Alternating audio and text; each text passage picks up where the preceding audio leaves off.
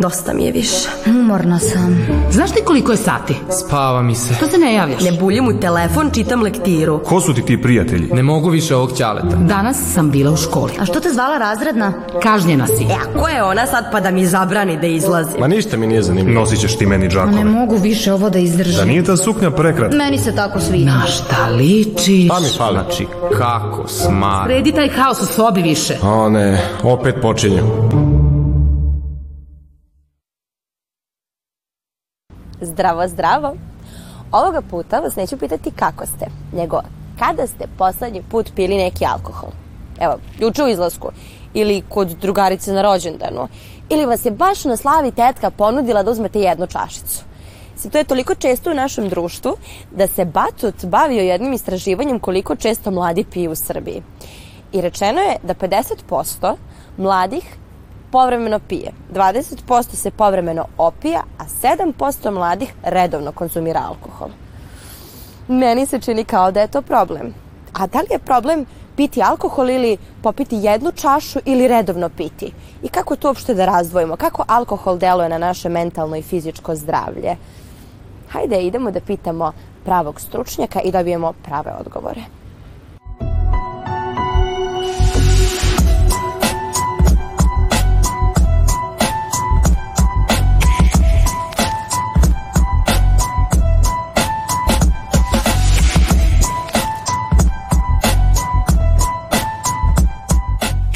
Zašto mladi najčešće kreću da piju alkohol?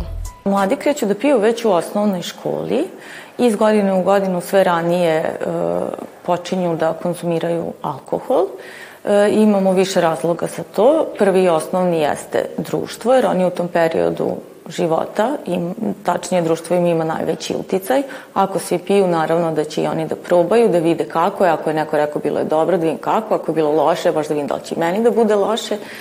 E, ima naravno jako veliki uticaj porodica e, gde i društvo, nažalost, naša država je takva gde ne može apsolutno ništa da prođe bez konzumiranja alkohola, ni neka lepa, ni neka ružna stvar, gde se naravno tu uključuju i deca od ranog perioda, pogotovo neke sredine, ajde da kažem malo manje, gde e, ljudi prave svoju rakiju, svoje vino, gde deca odrastaju uz to, naravno kad svi probaju daći i deci da probaju, nema veze koliko imaju godine i sa dve, tri godine će im dati da probaju alkohol. Da li mislite da je dovoljno napraviti meru u konzumiranju alkohola ili ga treba u potpunosti izbaciti? Zavisi od substance do substance. Što se tiče alkohola, alkohol je depresor.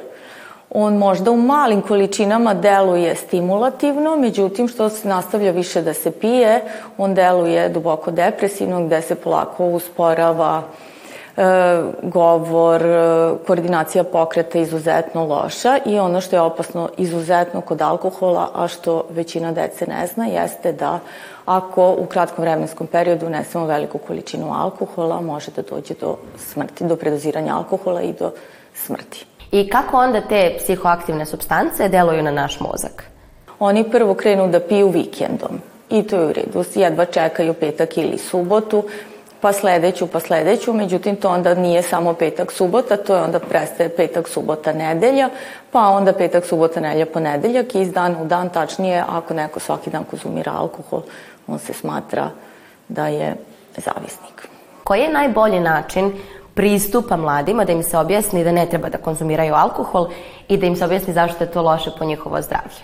Da se bave sportom, da budu, da se bave nekom muzikom, da budu kreativni, da lepo crtaju, da prave nešto, da slažu, da sada pogotovo u ovoj eri, ajde da kažem, tehnologije i sve, mogu da prave neke filmove, da nađu neku temu, da se razumeju u nju, da ovaj, se u tom nekom smislu, ajde da tako kažem, fokusiraju, a ne na alkohol. Na izgled mogu da se oblače neobično, mogu da prave sami svoje stvari, da budu unikatni, da niko nema tako kao što oni imaju i da budu zapamćeni po tome, a ne po ovaj, tako nekim, ajde da kažem, negativnim stvarima.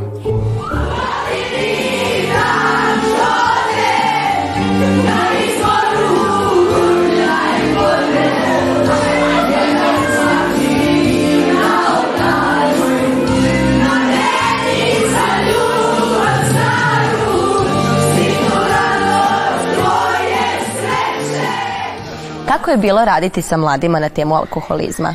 Kako su se oni ponašali u procesu pripremanja predstave? Prvo, mi smo radili forum teatar, u pitanju je teatar potlačenih. Um, radi se prema metodu teatra potlačenih. U momentu kada je publika ušla u salu, to postaje forum teatar, isto što je bio u staroj grčkoj forum.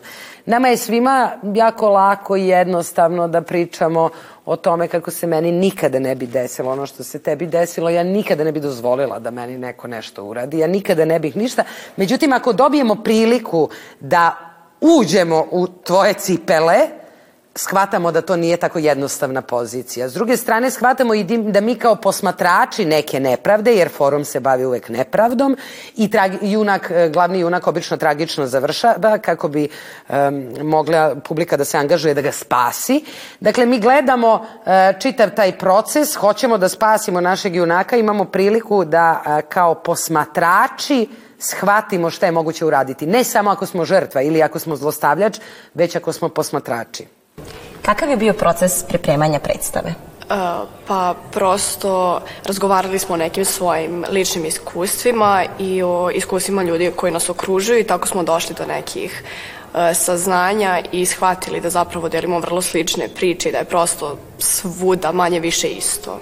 Mislim da smo svi svesni toga da uh, verovatno nismo sad naterali nekog tinejdžera da izađe sa naše predstave, da nikad više ne popije ništa, ali bar da smo, bar da smo osvestili da mislim kao kako, kako štetno može u stvari da utiče alkohol na nas. Izdvojila bih kao najlepši moment zapravo to, to saznanje koje sam dobila i tu novi neki talas motivacije koja mi je to pružila da znam da sam okružena ljudima i da postoje ljudi koji žele nešto promene i koji se ne zadovoljavaju ovim trenutnim stanjem u, kojem, u svetu u kojem živimo. Nismo se trudili da to bude neko remek delo, nego prosto što um, da mladi što više to um, mogu da shvate i da bude što pristupačnije i njima bliže. Mi smo društvo koje je naviklo na, alko, naviklo na upotrebu alkohola. Da li je to opravdano, da li ja to mislim? Pa ne mislim. Da deda nam da malo piva, ostanu brkovi kad smo mali, a mama nam baže belog vina kad rastu zubi, a mi imamo četiri meseca. Da li je to okej? Okay? Nauka kaže da nije. E, istraživanja govore da to baš nije tako naivno kao nam, što nam se čini. Međutim, s druge strane, ja ne mogu doći nikome, ni pozorište, ni niko ne može doći mladom čoveku i reći ti ne možeš da piješ. Jer to jako nije dobro, znaš. E, važi, to je kao kad mi neko kaže nemoj da se nerviraš. Ok, sad kad sam to čula, neću se nervirati.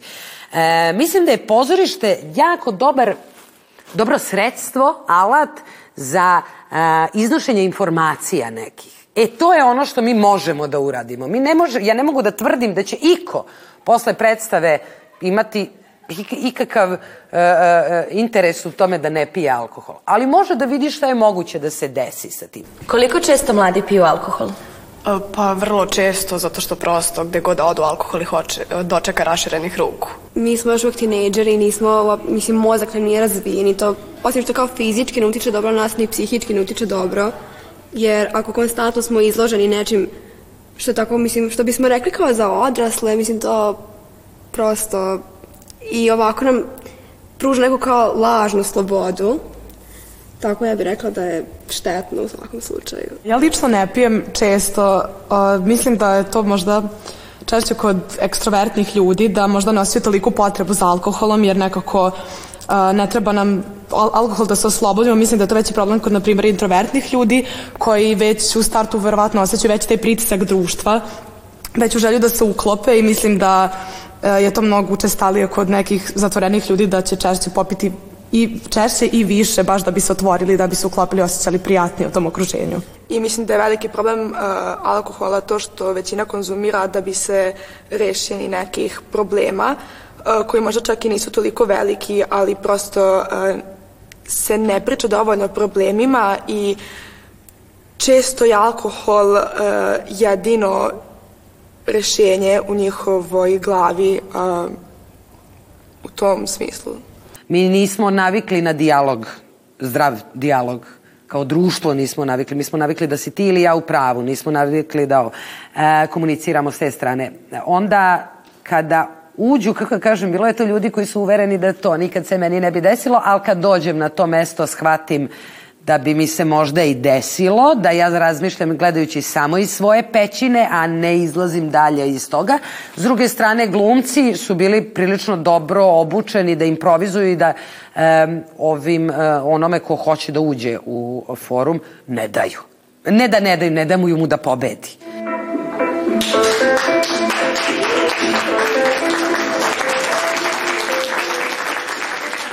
Neka samo jedna osoba na svetu ovome e, razmisli pre nego što uđe sa nekim u auto, da li je taj neko pio ili nije i neka samo pomisli, e, ok, neću ući, nego ću ići taksijem ili kako god, mi smo ogromnu stvar uradili. Mislim, veću nismo mogli. Kada na oprugu deluje sila od 3 njutna, ona se istegne, produži za 2 cm. Ako znamo da je istezanje opruge srazmerno sili koja na nju deluje, koliko se opruga istegne ako umesto ove sile na nju deluje sila od 9 njutna? Tačan odgovor 6 cm. Silu istezanja opruge možemo da izrazimo pomoću elastične sile. Ona je uvek jednaka koeficijentu puta x. Dakle, sila je uvek srazmerna dužini istezanja opruge. Kako znamo da su sila i e, vrednosti stezanja srazmerne, možemo napraviti jednostavnu proporciju. Dakle, imat ćemo f1 naprema x1 da je jednako f2 naprema x2. Izražavajući iz ove jednačine x2 dobijamo da je jednako f2 kroz f1 puta x1 i zamenjujući brojeve krajnje rešenje će nam biti 6 cm. Na osnovu podataka sa slike izračunaj površinu figure koja se sastoji od pravougaonika, pravouglog trougla i trapeza. Tačan odgovor 34 cm kvadratna. Da bismo izračunali površinu date figure, potrebno je da izračunamo površinu pravougaonika, površinu pravouglog trougla i da saberemo sa površinom trapeza. Površina pravougaonika glasi P je jednako A puta B. Stranica A iznosi 5 cm, stranica B iznosi 1 cm, dakle površina je jednako 5 cm puta 1 cm, površina pravougaonika je 5 cm kvadratnih. Površina pravouglog trougla iznosi A puta B kroz 2. Kateta A iznosi 3 cm, kateta B iznosi 6 cm, Dakle, površina pravouglog trougla je jednaka 3 cm puta 6 cm kroz 2. Dakle, površina pravouglog trougla je 9 cm kvadratnih. Površina trapeza je data u zadatku i iznosi 20 cm kvadratnih. Dakle, površina date figure iznosi 5 plus 9 plus 20 jednako je 34 cm kvadratna. Kompozitor prve opere u Srbiji na Uranku bio je Stevan Stojanović Mokranjac, Stanislav Binički, Kornelije Stanković. Tačan odgovor Stanislav Binički. Prvu srpsku operu na Uranku komponovao je Stanislav Binički. Tekst za operu pisao je Branislav Nušić. Opera je prvi put izvedena 1903. godine i to pod dirigenskom palicom upravo Stanislava Biničkog ima jedan čin. I tema opere ima tragičan kraj. Radi se o ljubavi između Radeta i Stanke, na koju je stavljena tačka, nažalost, turskom vlašću i jednim sevaskim agom koji se zvao Redžep, koji je strašno bio zaljubljen u Stanku i nije dozvolio da se ljubav Stanke i Radeta srećno završi. Ono što jeste srećan kraj opere na Uranku jeste to da je ona postala jedan od najvažnijih momenata u istoriji srpske nacionalne muzike. Kažu da prvo piće piješ ti, drugo piće pije piće, a treće piće pije tebe. Zato nemojte da dopustite da vas piće popije, imajte meru u svemu i nemojte preterivati. U ostalom pomislite kako možete da budete i lepo raspoloženi i super se zabavljate i bez tog alkohola. Do sledeće emisije, živeli!